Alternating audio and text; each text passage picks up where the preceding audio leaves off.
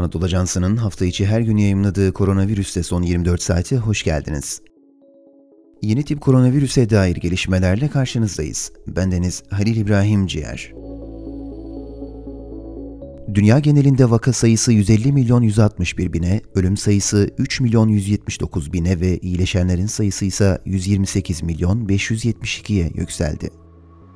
Amerika Birleşik Devletleri'nde vaka sayısı 33 milyon 44 bin, Hindistan'da 18 milyon 762 bin, Brezilya'da ise 14 milyon 592 bin kişi oldu. Yeni tip koronavirüs salgınıyla mücadele tedbirleri kapsamında ülke genelinde 17 Mayıs pazartesi saat 5.00'a kadar devam edecek tam kapanma dönemi başladı.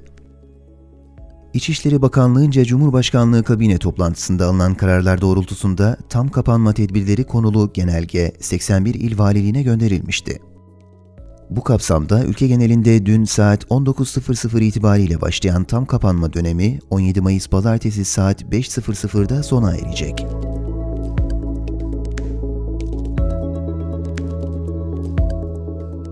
Cumhurbaşkanı Erdoğan imzasıyla resmi gazetede yayımlanan kararla 4857 sayılı iş kanununun işçilerin iş akitlerinin feshedilmesinin önüne geçilmesine yönelik düzenlemeyi içeren geçici 10. maddesinin 1. ve 2. fıkralarında belirtilen sürelerin 17 Mayıs 2021'den itibaren 30 Haziran 2021'e kadar uzatılması düzenlendi. Türkiye'de yapılan toplam aşı sayısı bugün itibarıyla 22 milyon 672 bin 729 oldu. Sağlık Bakanlığı'nın yayımladığı verilere göre Türkiye'de son 24 saatte 278.108 COVID-19 testi yapıldı. 37.674 kişinin testi pozitif çıktı. 339 kişi yaşamını yitirdi. Hasta sayısı 2715 oldu.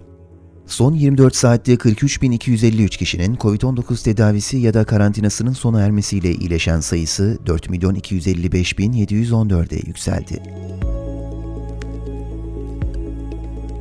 Koronavirüs alacağınız tedbirlerden daha güçlü değildir. Spotify, SoundCloud, Apple Podcast bizi hangi mecradan dinliyorsanız lütfen abone olmayı unutmayın. Hoşçakalın.